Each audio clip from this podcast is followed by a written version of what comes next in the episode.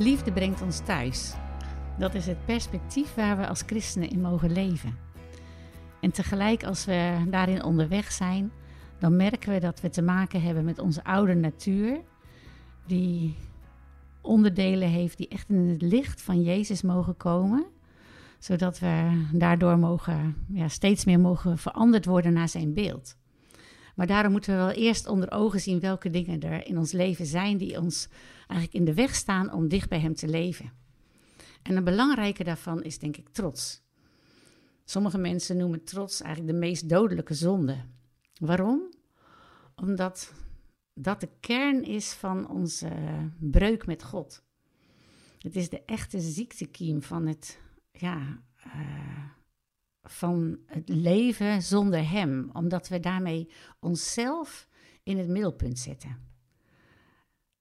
Trots zorgt dat het zelf van de mens in het centrum staat. En het lastige bij trots is dat het zich ook nog een keer kan voordoen als een deugd. Je kan bijvoorbeeld um, geld geven aan goede doelen en daar trots op zijn. Of je kunt meewerken met de voedselbank en daar trots op zijn. Um, het, is, het vraagt eigenlijk om een hele verandering in ons innerlijk. we mogen dankbaar zijn en we mogen ook blij zijn en ook echt een goed gevoel hebben over de goede dingen die wij doen, waarvan we weten dat die in lijn zijn met wat God van ons vraagt. Maar we hoeven ons er niet op te laten voorstaan. We hebben het nodig om in plaats van, van trots nederig te zijn. En uh, bedenk dan dat je oude natuur niet te vertrouwen is. Mij helpt het altijd om te bedenken dat we zondigen omdat we dat willen. dat betekent dat we een keus hebben. We mogen iets anders kiezen. We kunnen kiezen om, ook al is onze neiging om ergens trots op te zijn, om dan toch uh, ja, de ander de eer te geven. Uh, en te, ons te realiseren dat het God is die het in ons doet.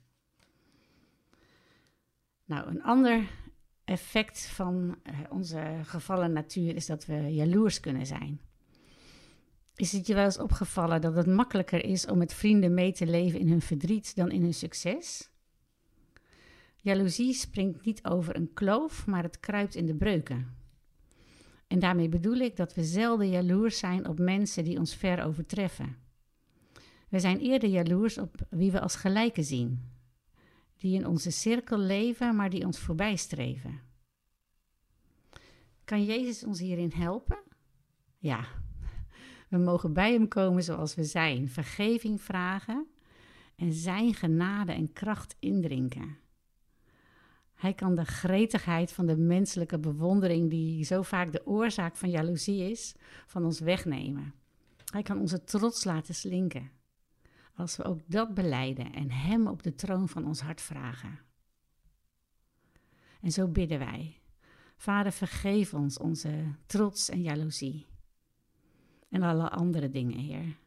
Hebzucht, zelfgerichtheid.